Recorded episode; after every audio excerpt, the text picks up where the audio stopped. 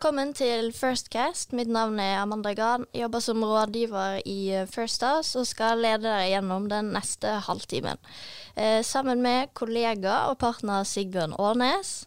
Så har vi med oss eh, Are Thomas Gahr, eh, LO-sekretær, og Tord Lien, som er regionsdirektør i NHO Trøndelag. Um, I dag så er det nøyaktig to uker siden regjeringen la frem stortingsmeldingen 'Energi til arbeid'. En uh, melding som skal sette fart på Norge etter pandemien, kutte utslipp, skape vekst og nye arbeidsplasser ved hjelp av energiressursene våre. Eh, men like før eh, regjeringen la fram, eh, sin plan, så lanserte jo både dere i NHO og LO sammen med, sammen med flere sin egen lille stortingsmelding, altså denne felles energi- og industripolitiske plattform. Kan en av dere forklare kort hva formålet med en, med en egen plattform er? Tord, skal jeg ta og si litt om det. Eh, plattformen er jo fordi at det er nødvendig å det er nødvendig å uh, koordinere dette arbeidet. Det er slik at Innenfor LO, LO uh, vi har 25 fagforbund. Det er ganske mange interesser som skal ivaretas. og Innenfor mm. NHO er det, er det, mange forskjellige bransjeorganisasjoner som også har forskjellige interesser. Og det Vi vet er at løsningene de ligger ikke i polene, altså de oppheta debattene og, og det, de teoretiske, interessante akademiske problemstillingene. Løsningene de ligger i dialogene. og Plattformen er, det er et resultat av gode dialoger. Og det er egentlig som, eh, som ble sagt i går, at uh, egentlig så har LO og NO lagt ballen på merket. Og vi har bundet keeperen til stanga, så her er det egentlig for politikerne bare til å smelle ballen i mål. For vi har sortert veldig mye i, i, det som ligger i plattformen. Det er et veldig sterkt dokument, og, og det, det, gir veldig sterke skyv fram gjennom. Så, så, her er veldig mye ferdigtygd. Uh, nå er politikerne invitert til å være med LO og NO i forhold til dette arbeidet. Og så kanskje vi kan legge til at noe av det som, eh, som, da ble lagt fram for uh, noen uker siden, har, har vi jo fortløpende også spilt inn til, til Olje- og energidepartementet og til Næringsdepartementet når de har sluttet å jobbe med, med disse strategiene og, og, og arbeidet med, med meldinga. Så tror jeg det Are sier er, er viktig. Sant? Det er mange interesser her. og, og så ikke minst er dette viktig, politikk, viktig politikkområde for, for Norge. Eh, og det er industrien, eh, både de ansatte og, og eierne, definitivt er helt avhengig av det langsiktige, stabile eh, rammer for det, uh, det, som skal skje. Sant? Det er investering i prosessindustrien f.eks. Er investeringer som to generasjoner arbeidstakere skal jobbe med.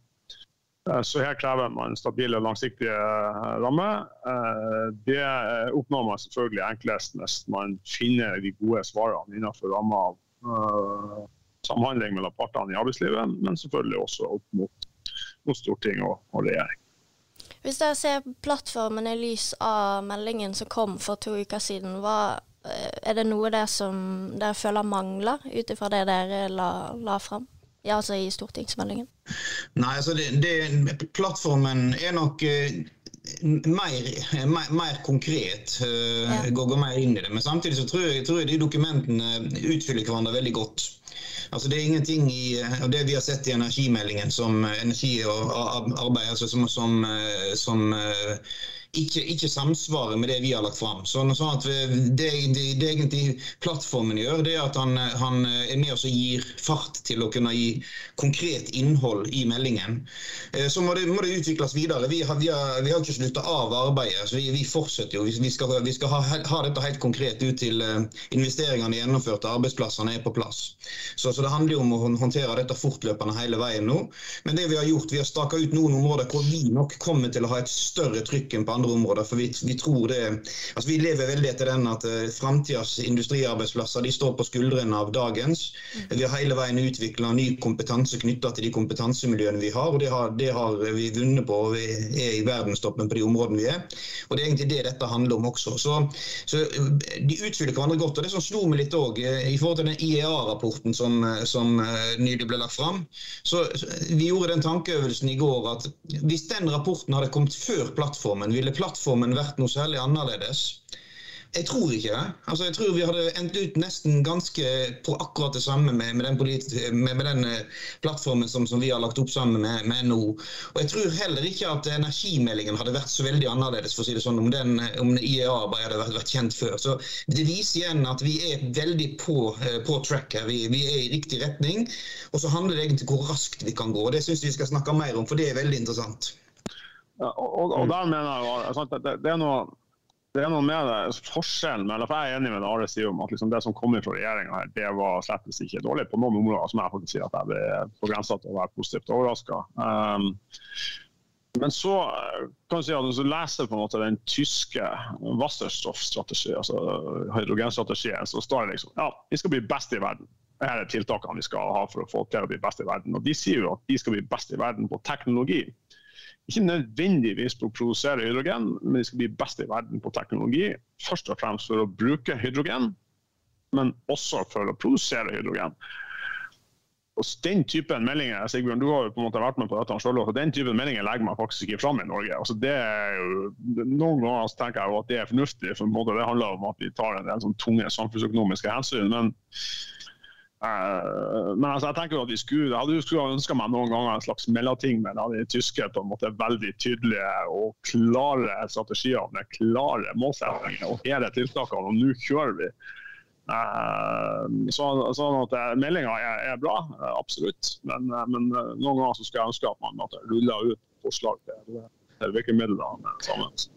Men, men, jeg er veldig enig med dere. og så tenker jeg at Vi må av og til løfte blikket og så må vi tenke hva, hva, er hensikten med, med både stortingsmeldinga og det vi gjør. Og, og Hensikten er jo at vi, vi, skal skape en ny industri også for Norge. Hensikten er ikke at vi skal forsyne Europa med, med, med ny kraft fra Nordsjøen med havvind eller, eh, eller andre ting. Det, det, er jo at vi, vi har hatt en olje- og gassindustri som har vært fantastisk for vår nasjon. Eh, levestandarden i dette landet og for arbeidsplasser og alt. Nå trenger vi å skape nye arbeidsplasser. Vi trenger å skape nye inntekter til velferdsstaten. Uh, og, og, da tenker jeg, hva, Hvordan syns dere nå vi klarer å balansere akkurat det? For Det er jo ikke for å, ikke for å skape egentlig nye forretningsområder eller for å forsyne Europa med energi. Det er jo fordi at vi trenger, vi trenger inntekter til staten og vi trenger arbeidsplasser til de som bor i dette landet. Hva tenker du om det, Are?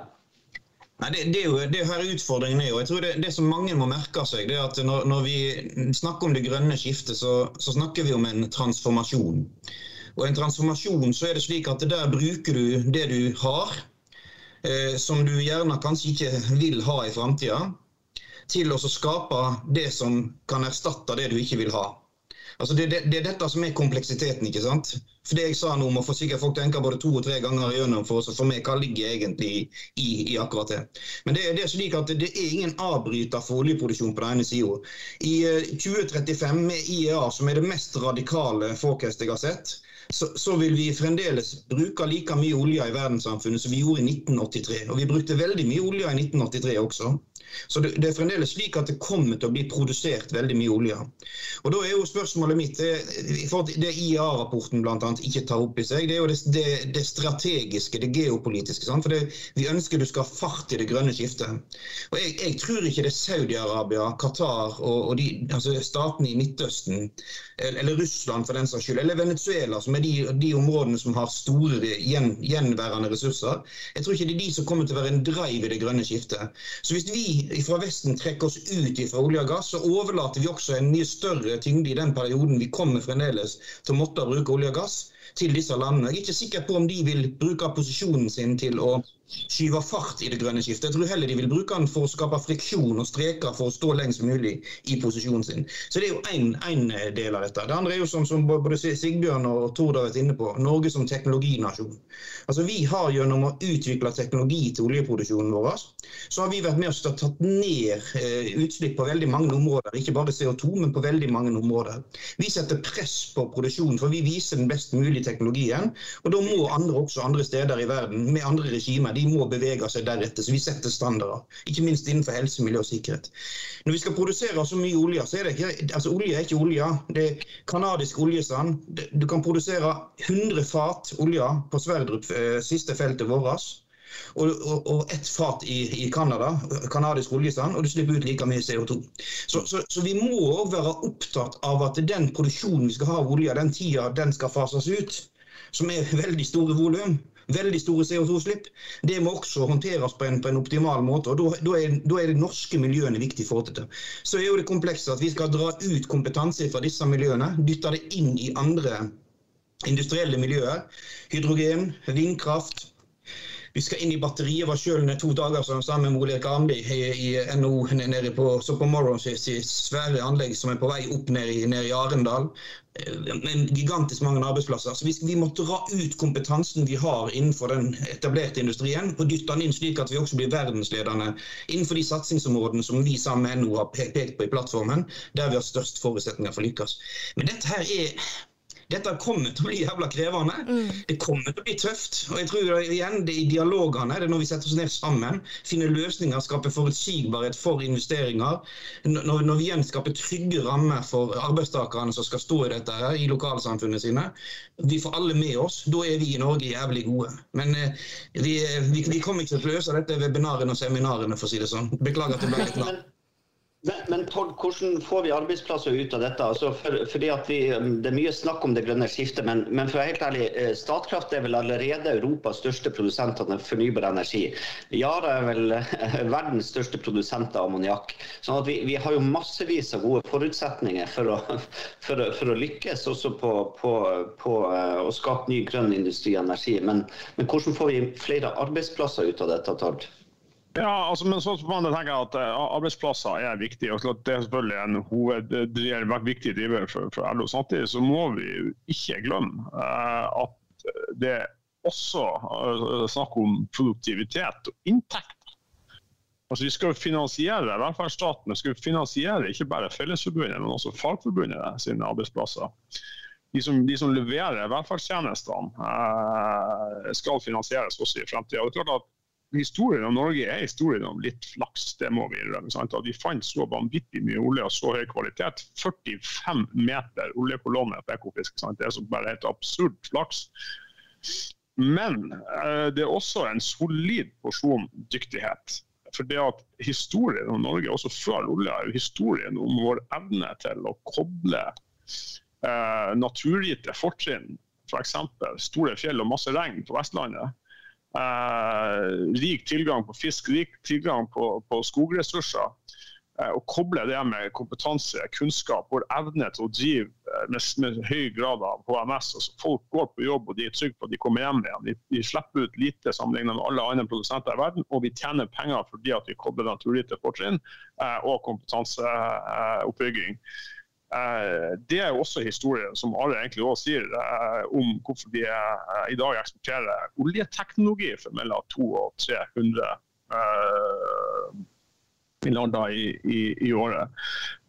så det kan vi lykkes med osv. Sånn vi skal jo diskutere hydrogen. Altså, jeg er jo ikke i tvil om Norge kommer til å eksportere hydrogen. Vi kommer til å eksportere blå hydrogen, vi kommer til å eksportere grønn hydrogen. Helt klart. Det spørsmålet er kommer vi også til å eksportere hydrogenteknologi? Hvis svaret på det siste skal bli ja, så er det viktig at regjeringa og stortingsflertallet følger opp det som Tina og olje- og energiministeren har lagt fram nå, med at vi faktisk ruller ut nå eh, produksjon av grønn hydrogen i, i Norge. Utrulling av produksjon av blå hydrogen, altså hydrogen som kommer fra det som i dag er grå hydrogen, altså der, du rett og slett bare fjerner og slipper ut CO2-en. Eh, og da sitter igjen med hydrogen som enten kan bruke direkte eller konvertere til ammoniakk. Uh, uh, skal den bli blå, så må du rett og slett bare putte CO2-en tilbake på norsk sokkel. Den infrastrukturen er under etablering. Det Sigbjørn jobber jeg og du med i, i, i, vår tid i, systemet. Uh, men skal vi også få utvikla produksjon av grønn hydrogenteknologi i Norge, så er det viktig at vi starter nå. fordi at de enorme energiressursene vi har i Norge, et meget effektivt kraftsystem uh, masse vind og masse vannkraft som kan bygges ut både på land og til havs, uh, så tror jeg at vi kommer til å eksportere grønn hydrogen. Men når den grønne hydrogen skal være basert på norsk teknologi, så må vi komme i gang nå. Ja, interessen er jo ekstremt stor for disse nye næringene vi skal bygge opp. Men er det en viss eh, Altså det er jo så mye som popper opp av prosjekter og nye aktører. Er det en viss prioritering eller rangering av disse som må til for at vi skal faktisk lykkes, eller hva, hva tenker dere om det? Det, det, første tror jeg i hvert fall at, ikke en, at de ikke opererer med avbrytere. Altså det er jo markedene som kommer på mange måter til å avgjøre hva som skal ut. Det som vi kan gjøre i forhold til utviklingen, er jo å bidra til det vi ønsker skal inn. Og, og bygge opp da, hydrogen, batteri, batteriproduksjon, altså elbiler, den delen av det. Og havvind, jeg tror Når det gjelder havvind, så er det akkurat det samme som, som Tord sier. at vi, Skal vi få leverandørindustri, så må vi være på. Vi må, vi, må, være med oss og ta den teknologien. og Særlig på, på flytende havvind har vi store muligheter ennå. Når det gjelder bunnfast, så kan vi nok sikkert produsere komponenter, men der er det andre som har bygd seg opp allerede. og Der er vi kommet litt på hælene. Men, men, flytende havvind som kommer til å bli et kjempeskup i framtida, vil jeg tro. Altså 71% av jordas overflate det er blått hav. og Det er helt åpenbart at mye av energien må hentes fra, hentes fra det området.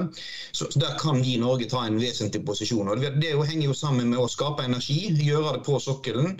Eh, vi har massevis massevis av overføringskompetanse vi kan dra, dra veksel på både fra maritim næring fra, fra petroleumsnæringen vår altså, inn for å få dette her til.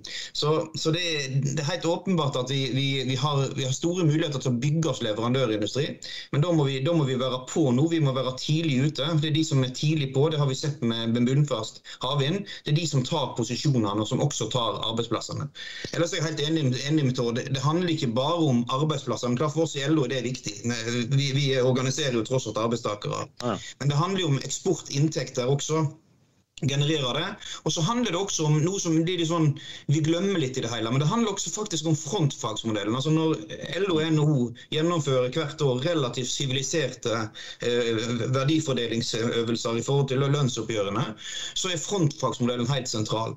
Og de, vi sier sånn som I prosessindustrien, eksportrettet industri, så er det ikke så veldig mange arbeidstakere, men de er veldig viktige som en slags temperaturmåler på norsk økonomi. og hva tåler vi i forhold til de forhandlingene. For vi ønsker ikke å forhandle oss ut fra arbeidsplasser, eller at arbeidsplasser kommer i en situasjon hvor de må legge ned. Vi ønsker å forhandle der vi har et livskraftig eh, arbeidsliv og, der vi har en rettferdig fordeling knyttet til dette. Så, så, dette handler om eksportinntekter, det handler om å bygge oss arbeidsplasser, men det handler også om, om frontfagsmodellen og de mekanismene, den trepartsmodellen som vi har bygd opp i Norge. Det kan jeg si at uh, For oss som er konsulenter og rådgivere, så er det på, på topplista når internasjonale aktører uh, kommer til oss, det er jo faktisk å forklare de, den sterke modellen vi har i Norge mellom arbeidsgivere, arbeidstakere og, og for så vidt myndigheter, som, som, jo har vært en suksess i utvikling av norsk industri og norsk økonomi, og som har kommet absolutt alle til gode. Og, og og det er jo der jeg syns det er interessant nå fremover. Det, det, er snart et valg.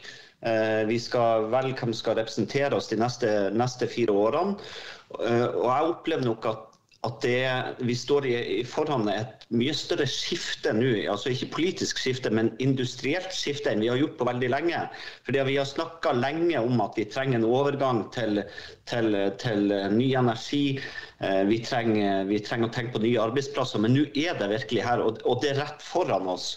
Eh, så den stortingsmeldinga kommer jo virkelig eh, når den måtte. Og, og, et nytt storting må diskutere den og må ta stilling til den. Og den regjeringa som skal sitte etter valget, må faktisk gjøre noe med dette. Altså, det er ikke spørsmålet om vi har lyst til å gjøre noe med det. Nå må vi faktisk. Og, og, og, det tenker jeg er, er, faktisk det viktigste kanskje vi gjør de neste årene. Det er akkurat dette. Og, og, det er ikke fordi at ikke skolepolitikk eller hva vi gjør i eldreomsorgen er viktig.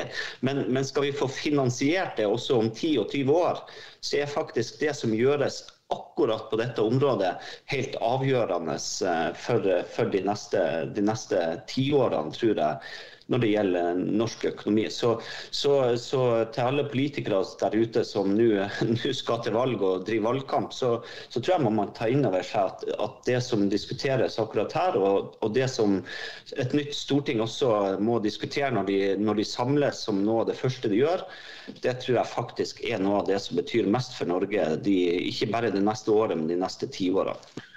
Nei, noterer meg at, at verken Are eller Sigbjørn egentlig svarte på spørsmålet til Amanda. det, det, er jo tydelig at de er politikere har vært politikere. Nei, men altså For du spør også i, i spørsmålet ditt Amanda, om må vi prioritere. Jeg er jo altså, redd for at liksom, noen må være gledestrapperen her og si at ja, vi må nok det. Og det mener jeg at det ene er at kraftsystemet vårt er en av de mest altså, Gitt at vi er et stort land med relativt grisgrendt befolkning, så har vi likevel klart å bygge et relativt effektivt kraftsystem. Det kraftsystemet har likevel det, det er bygd på prinsippet om at du, det, veksten i konsum er 2,5-3 i året. Så kommer det en og annen industrietablering her og der som man på en måte klarer å rote til. Eller få, få til. Eh, taktskifte som må til nå for å få til alt. Altså, for alt får vi ikke til uansett, men, men for å få til altså, eh, kraftforedlende industri i form av batterifabrikker, i form av hydrogenproduksjon Hydrogenproduksjon er noe lettere å distribuere altså, Stordriftsfordelene med batterifabrikker er så enorme de enten kommer de ikke, eller så kommer de til å bli gigantisk. Det stiller kraftsystemet vårt overfor noen utfordringer som vi òg må finne, finne, løsninger på, som gjør at vi nok må, i hvert fall i en periode til vi har både økt kraftproduksjon på plass og ikke minst da transmisjonsnettkapasitet på plass, mm. nok må prioritere. Det er det ene. Og det andre er jo at og her mener jeg Altså, det er en del ting som ikke krever så veldig mye. Sant? Det at vi nå sitter og lurer på hvordan vi skal få krafta ut fra sørlige Nordsjø. For, for, der har jo Are helt rett. Altså, vi kommer ikke til å bygge noe flytende havvind hvor Norge har liksom 40 eh, av leveransene globalt. Eh, kommer ikke til å bli bygd i Norge. Med mindre man på en måte også legger noen penger på bordet fra myndighetenes side. Sørlige Nordsjø er det jo kun én ting som skal på plass, det er å få flytta strømmen til en plass der det er markeder som er villige til å betale for det. Og så er det lønnsomt å bygge ut. Og så sitter vi nå i 2021 og lurer på hvordan vi skal få til det. Det jeg tenker jeg er litt paradoksalt. Disse de svarene skulle vi ha kommet langt i og ha klart allerede nå.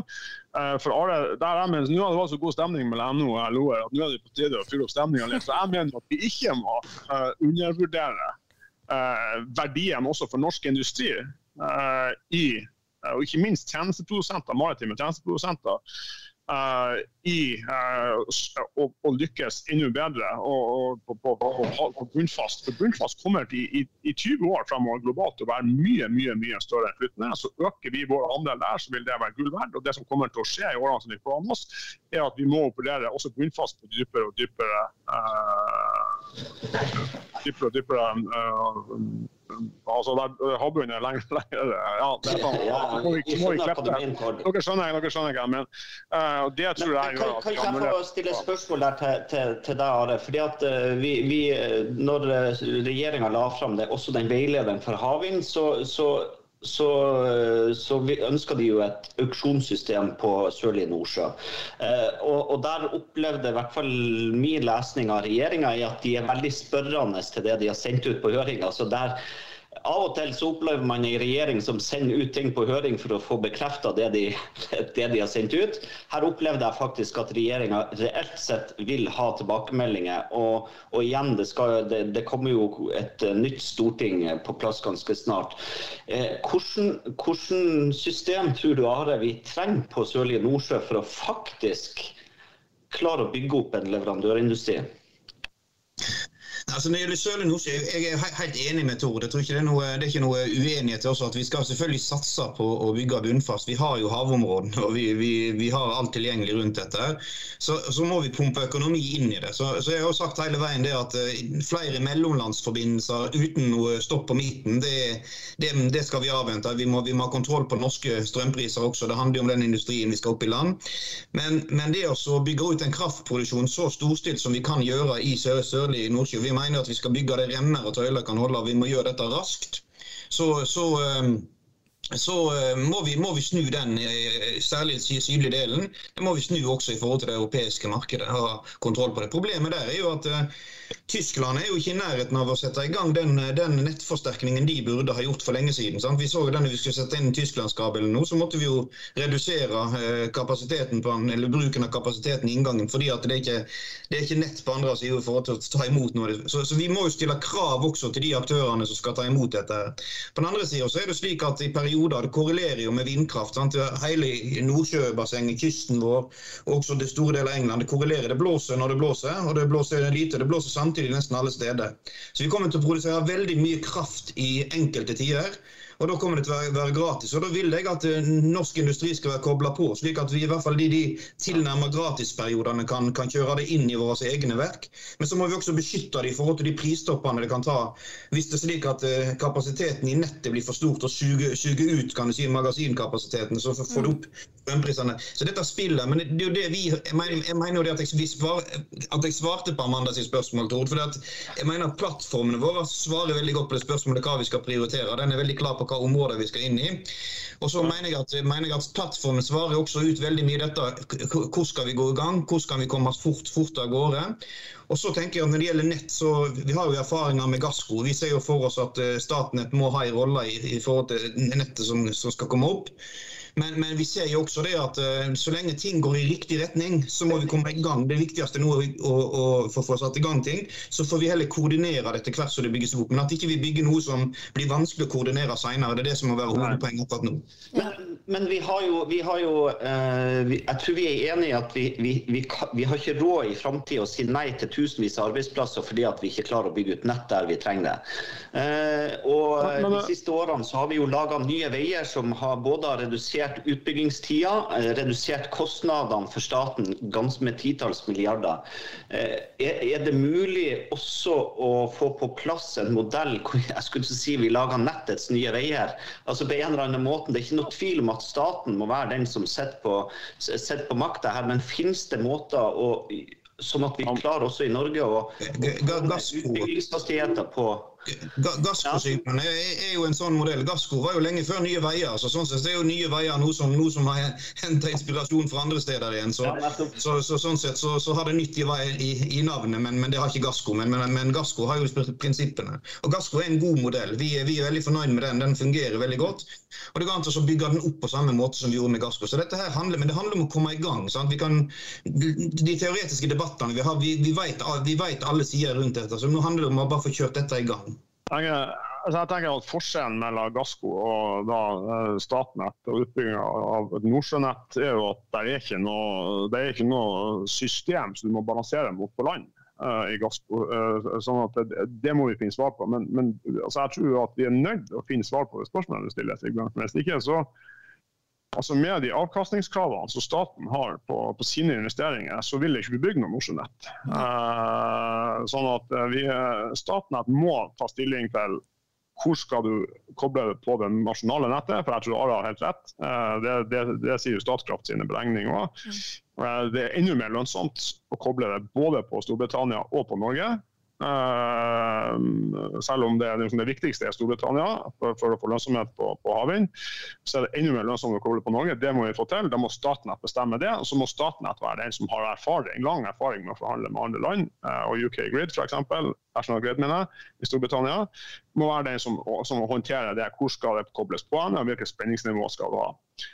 Men så Derimellom kan du definitivt ha alt å tjene på, f.eks. noe som ligner på en gassmodell. Og Det åpner jo også meldinga for. Departementet sier jo går faktisk så langt som å si at nettopp for å unngå at kostnadene på transmisjonsnettet på land, som også vil uh, utfordre uh, potensielt kan utfordre lønnsomheten til prosessindustrien, og f.eks. gjør det vanskeligere å bygge en ny prosessindustri, f.eks. batterifabrikker, så skal man tillate private eierskap og andre typer, f.eks. av de som bygger ut havvind. Kan jeg få utfordre deg litt der? Kan jeg få utfordre deg litt her? Fordi vi, vi snakker om batterifabrikker hvor vi ser Europa spytter inn subsidier, og vi diskuterer skal vi gjøre det samme i Norge. Samme hydrogen må vi kanskje dytte litt på plass med statlige subsidier.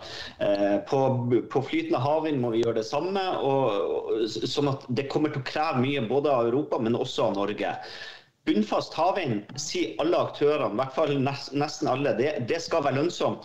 Så, så, er spørsmålet mitt, når vi da ser hvor mange aktører som nå ønsker å gjøre det, hvorfor, hvorfor, vi, hvorfor skal vi bare da bygge ut 3 gigawatt? Hvorfor, hvorfor gjør vi ikke mer? Nei, har, dette har ikke jeg ryggdekning igjen nå for å mene, men sånn helt, eh, helt klart. Men altså, jeg fatter jo ikke at ikke vi kan, når det er sånn enorm interesse, eh, og du snakker om altså, i det området som er åpna Uh, hvis du bruker 12% av det området som er åpna, uh, så får du 4,5 gigawatt. Det hadde jeg kommet til å sagt var en god idé. altså.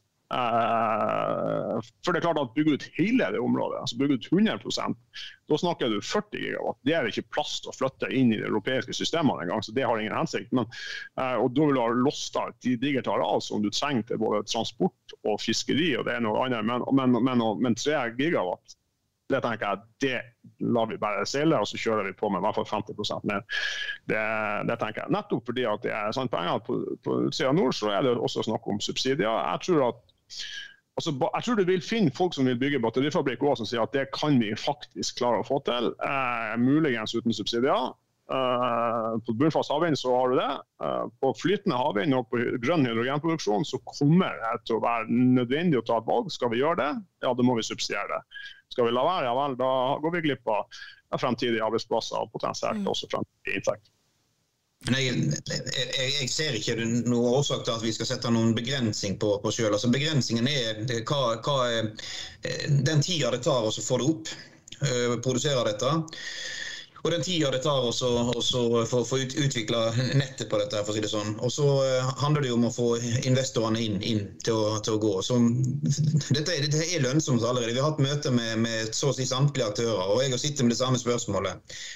Her må vi bare få fingrene ut og få gjort dette. Det, vi, vi, trenger mer kraft, og det tar, det tar, tid fra vi gjør et vedtak til, til krafta faktisk kommer inn, inn, inn der krafta skal forbrukes. Så, så her har ikke vi mer enn en tid og vei.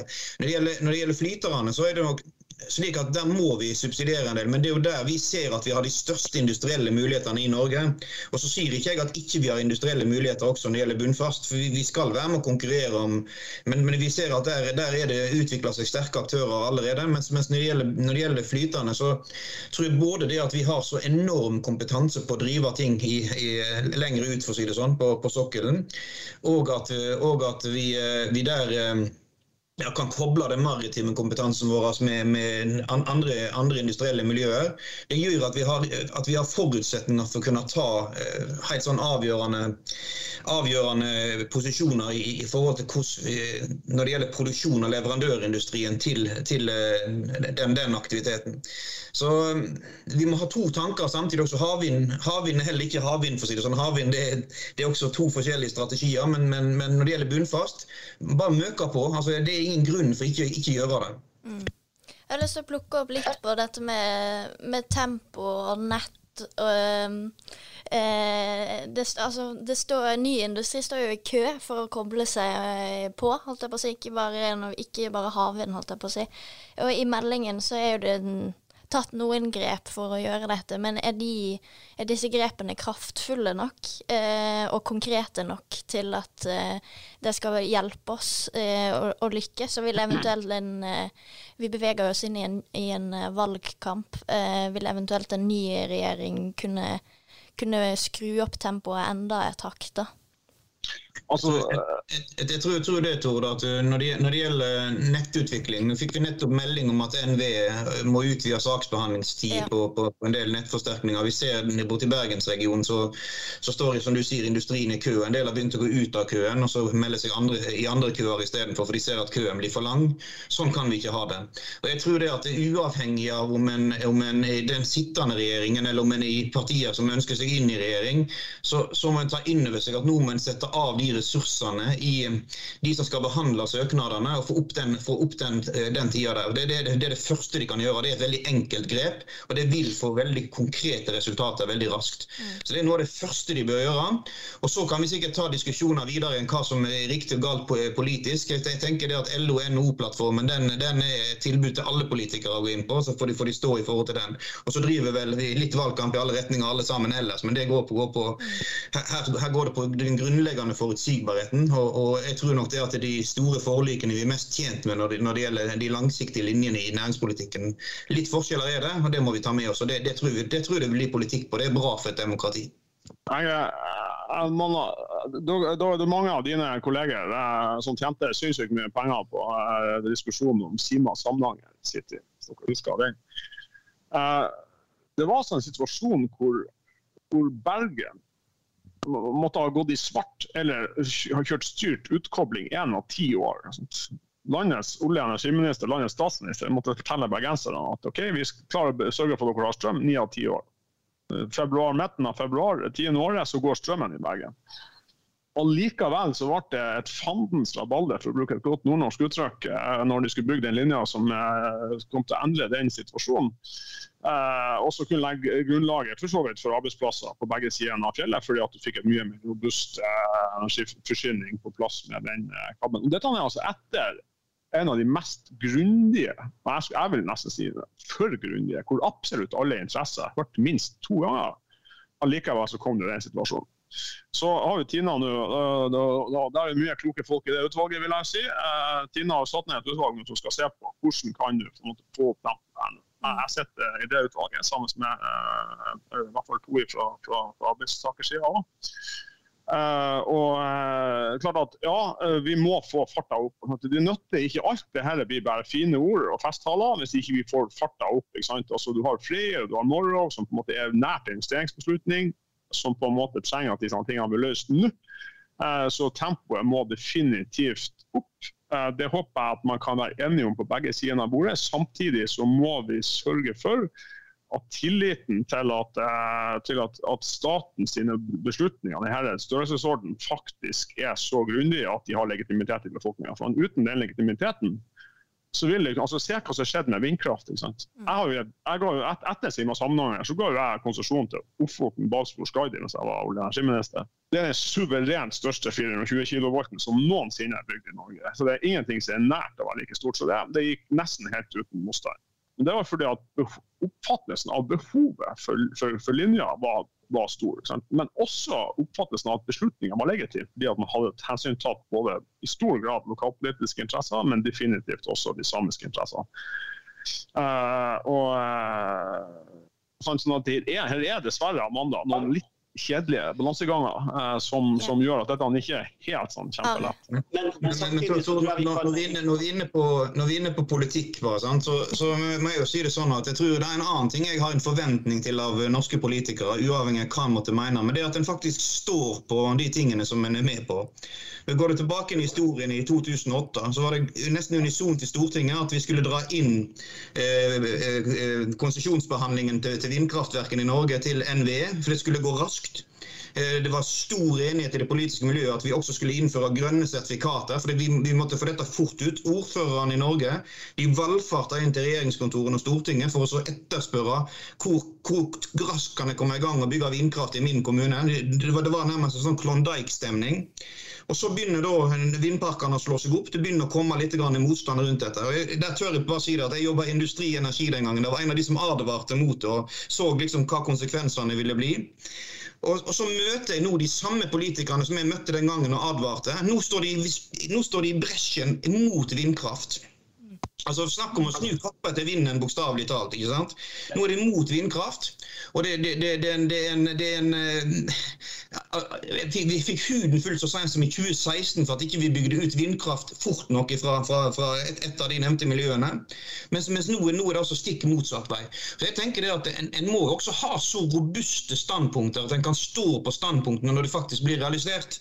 Og så er ikke dette et innspill i vindkraftdebatten, for jeg, jeg sier det, vi har masse sårbar natur. så ikke vi skal sette opp vindkraftmøller imot, men en sånn altruistisk holdning at enten så er du for eller så er du imot vindkraft, det er fordummende, spør du meg.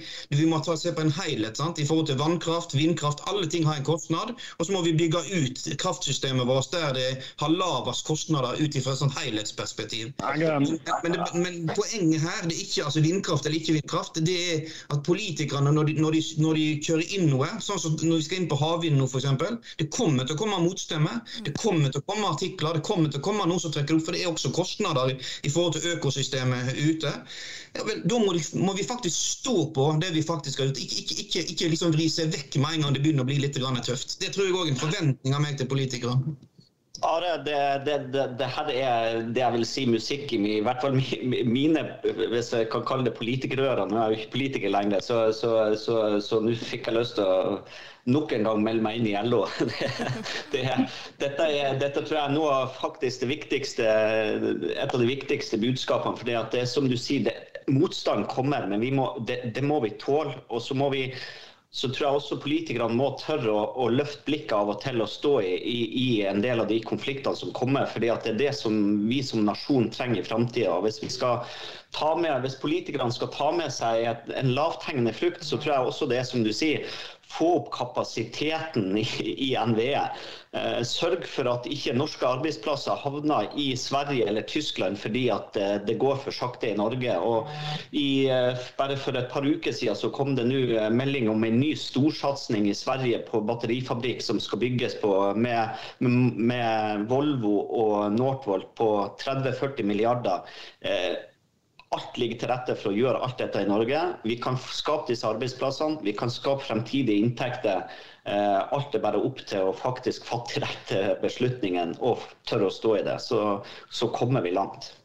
Et spørsmål Sigbjørn stilte i stad, uh, som jeg mener som, altså Jeg tror også for måte, de som følger med på disse tingene, uh, altså de som er ekstra opptatt av, av vindkraft, Eh, vil være interessert i. Eh, og Det er jo det spørsmålet om eh, denne balansen. Altså, hva, hvordan vil auksjon funke, og hva gjør man? Auksjon er jo ikke noe vi er kjempevant med å forholde oss til i Norge. og det å ha bare auksjon vil jo gjøre at det, liksom, det er rent økonomiske og rent kvantitative kriterier. Uh, og så er jeg helt enig med det du sa, Sigbjørn, nemlig at jeg oppfatter at regjeringa har sendt ut dette på høring og er veldig klar for å ha en dialog med, med partene i arbeidslivet og de bedriftene som skal, um, som skal bygge ut dette. Uh, nettopp fordi at man på en måte ikke er 100 sikker på at man har alle svarene sjøl. Det syns jeg er en god holdning i utgangspunktet. Så det vi må oppnå her, er jo en fornuftig balanse mellom kvantitative altså kriterier. At, det er de som har en lønnsom, altså en, en, en plan som kan gi lønnsom produksjon, men også kan gi f.eks. sørge for at vi får utdanna lærlinger innen disse feltene. her, At vi får, sørge for tilstrekkelig HMS-krav som faktisk vil fungere osv. En rekke andre ting, så andre hensyn vi vil ta, f.eks. gjennomføringsevne og en, en del sånne ting. Eh, som også antageligvis var lettere å forholde seg til for norske bedrifter enn for en del av de konkurrentene man har i andre deler av verden. Uh, sånn hvordan man klarer denne balansen mellom kvalitative og kvantitative kriterier, det tenker jeg blir, uh, blir det som blir avgjørende. Og, og det kan jo man bl.a. gjøre gjennom å ha en, en grundig prekvalifisering. Så balansen mellom prekvalifiseringa og hvordan auksjonen er utforma, tror jeg blir veldig veldig spennende. Så det blir viktig tror jeg, for departementet å ha dialog med, med både partene og, og bedriftene. Altså det går, det, går, mer i forhold til det grønne skiftet og dimensjonering. for jeg føler at eh, debatten, Forståelsen folk har når vi snakker om det grønne skiftet, så klarer ikke du å sette det opp imot noe sånn dimensjonsmessig. Så Jeg har brukt et eksempel som jeg har lyst til å dele. og det, det, er noe som vi kjenner alle sammen. Eh, noen venter på det, noen har fått det. Det er vaksinen for covid-19. Det er slik at Det eh, viser hvor viktig forskningen er. Sant? På seks måneder så forsker vi fram en vaksine som eh, normalt ville tatt godt over ti år å ta hvis det går historisk til vers. Så Det viser igjen hvor viktig og hvor, hvor, nødvendig det er at vi har forskningsmiljøer som kan snu seg. Men selv om vi har forskningen, og selv om løsningen er kjent for seks måneder siden nå, så er altså bare en liten brøkdel av verdens befolkning allerede vaksinert. Og Det forteller, om, det forteller, oss om dimensjonene. ikke sant? Altså Dette er ett produkt. Det er det produktet som kanskje verdenssamfunnet etterspør mest av alt akkurat nå. Og vi har en kjent løsning. Det er et halvt år siden eh, den ble kjent. Allikevel så har ikke vi klart å skru opp nok produksjonskapasitet. Vi har ikke nok distribusjons- og transportkapasitet til å få det ut. Og det offentlige er heller ikke rigga i verden til å kunne eh, føre vaksinen for sånn, inn i armen til, armen til folk, bokstavelig talt. Og Det forteller oss om betydningen av industrialisering. Sant? For Når vi snakker om det grønne skiftet, så skal vi jo nesten finne opp igjen eller justere eller forandre nesten alt vi bruker av produkter. Og dette er ett produkt. Og Det forteller litt om den dimensjonen vi står foran. Det forteller noe om forskningens betydning, det forteller noe om industriens betydning. Og det, det forteller noe om hvor viktig det er å samhandle og få ting til sammen. Så jeg tenker sånn at Reflekter litt over det der, for det høres jo i debatten ut noen ganger som at det er en avbryter en påbryter, og det er så veldig enkelt. Nei, dette er faen ikke enkelt. Dette er en transformasjon. Det kommer til å ta tid. Det kommer til å bli beintøft. Det er kjempestore muligheter i dette. Massevis av industriarbeidsplasser. Det er jo verdens største løft vi skal gjennom. så så nå må gjøre den jobben, og det, det, trenger enormt mange arbeidsplasser. Vi må sørge for at de arbeidsplassene vi skal ha i Norge, kommer hit, og at det blir skikkelig gode arbeidsplasser. Og at vi kan fortsette på, på det prosjektet vi holder på med, det velferdsmodellet som vi har i Norge, som vi alle er glad i, og som er så fantastisk. Så litt sånn i forhold til dimensjon. Mm. Men hvis vi skal gå inn for en uh, slags eh, landing her, um, hva tenker dere om veien videre altså sånn opp mot valgkamp og, og høsten som er foran oss? Hva, hva skjer videre, holdt jeg på å si? Jeg kan starte der. og Da, da tenker jeg at, at, de som skal gå til valg, bør, bør også lytte til podkasten og forstå at dette er faktisk den viktigste saken. Fordi at Om du er opptatt av å utjevne forskjeller i samfunnet, om du er opptatt av at skolepolitikken er det viktigste, eller om du er bekymra for, for generasjonsregnskapet når det kommer til balanse mellom inntekter og ut utgifter, eller om det er eldreomsorgen du er opptatt av, så er det i det lange perspektiv så er faktisk dette den viktigste saken vi diskuterer akkurat nå. Og det er ikke fordi at den betyr mest i morgen, men det er den som har størst betydning for det norske samfunnet over, eh, over de neste ti årene. Så, så, dette er sak nummer én, to og tre, uavhengig av hvilke andre politiske saker du er mest opptatt av. Kan, kan, jeg fortsette å si at eh, Jeg kommer jo fra Odda, det er et industrisamfunn. Og når jeg vokste opp, så var fjorden eh, rødere enn rød. for å si Det sånn. Det eneste som var rødere enn en Sørfjorden i Hardanger, det var farge, politiske fargen på tyssedølingene. De, de, var, de var knallrøde, for å si det sånn. Og, eh, det, var, det, var, så gale at når vi fiska fisken der inne, så, så spikra vi den opp på planker på, på, Så brukte vi den som termometer om vinteren, for det var så mye kvikksølv igjen. Og når vi hadde krist, kristendomsundervisning Eh, i skoleverket, noe som Ropstad er veldig for, så, så, eh, så, eh, lærte vi at det var et under at Jesus hadde gått på vannet. Men vet du, vi ungene som vokste opp i Odda, vi skjønte faen ikke hva det underet bestod av. fordi at hvem som helst kunne gå tørrskodd over indre del av Eitreinsvåget. Det var så mye dritt her. Altså Litt fra spøk til alvor, men det var jo det var helt forferdelig. Det var slik at Vi måtte gjøre noe. Og Det, det som er lærdommen vi tar med oss, er at hvis ikke vi hadde utvikla, forska fram ny teknologi, utvikla den, implementert den og satt den i drift, rydda utslippene, forurensningene til sjø og til luft, så ville ikke markedet ha kjøpt produktene våre i dag. Nå er det den samme historien som gjentar seg, men nå er det med klima som fortegn. Så vi må, vi må dra på de erfaringene. Vi har vist at vi kan klare dette. Vi har vist med NOx-fondet og det den fantastiske øvelsen vi har gjort maritimt her. Nå står vi overfor dette. her, og De som ikke skjønner denne utviklingen, skjønner den tida vi lever i i forhold til de kravene som millioner av klimastreikende ungdommer vil gjøre med markedene i framtida når de kommer ut som småbarnsforeldre skal kjøpe biler, vaskemaskiner, hele den biten der, ja vel, da skjønner vi heller ikke vår egen industris framtid. Industri uten markeder, det er død industri. Industri uten markeder er industri uten arbeidsplasser. Eh, arbeids, uten arbeidsplasser så er industrisamfunnet også borte. Disse tingene henger sammen, og dette må vi forstå. og Det er derfor vi er engasjert, og derfor vi er, ligger langt frampå på det grønne skiftet. Det handler om arbeidsplassene våre. det handler om livene og rammene rundt medlemmene i alle LO-forbundene. Og det handler om hvordan vi skal få dette til sammen. Og Der er, der er vi innstilt for å gå det løpet som skal gå, så vi har ikke noe valg. Jeg tror uh, altså, jeg Sigbjørn for en gangs skyld sa mye fornuftig. Uh, dette er uh, den viktigste saka. Vi er vant med å ha et ekstremt effektiv energiforsyning i Norge, som også ikke bare gjør livet vårt enkelt å leve, men som også skaper vanvittig mye arbeidsplasser. Uh, eh, EU kjører på nå. Hvis man på en måte ikke tar klima uh, på alvor, så må man i hvert fall ta på alvor at uh, Europa er i en, det alle kaller for en, en transformasjon. og det kommer til å gå fort. En generasjon frem i tid så kommer ting til å se helt annerledes ut. Eh, skal vi klare å opprettholde verdiskaping, lønnsomme jobber i Norge på den reisen, så er vi nødt til å også handle nå. Jeg tror det alle sier om at vi er nødt til å fortsette å satse på FoU er helt avgjørende.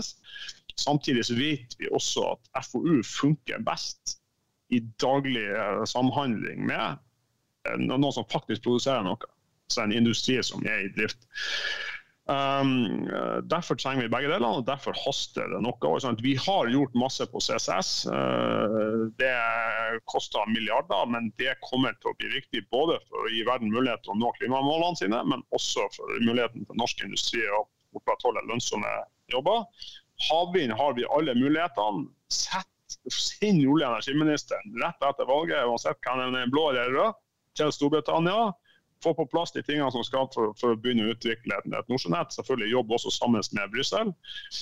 Uh, så, så, kommer vi til å få på plass det. Vi kommer til å få på plass på batterier, batteriproduksjon.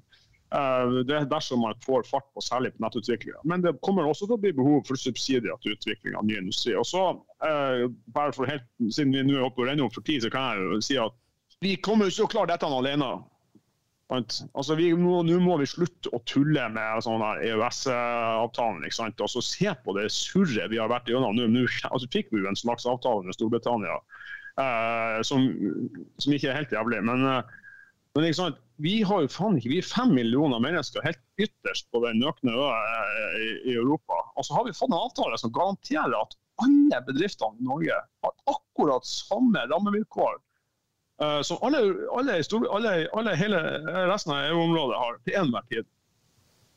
Og det kan vi faktisk ikke forhandle bort for at vi kanskje får noe som ligner på en avtale som er like god som et land med 80 millioner innbyggere. Europas største økonomi klarer å få til. Sånn at vi får, altså alt det Nå ble dette en lang avslutning, men altså alt dette vi har snakka om i dag, er avhengig av at vi jobber sammen med noen. Eh, og Da er det selvfølgelig hyggelig hvis vi kan jobbe sammen med Australia og, og Canada, og sånt, men det er klart det er veldig mye lettere å få til veldig mye mer hvis vi gjør dette sammen med våre europeiske eh, venner og kolleger. Ja, Da gjenstår det egentlig bare å si tusen takk til at dere tok dere tid i dag. Det har vært en utrolig engasjerende diskusjon, så riktig god sommer.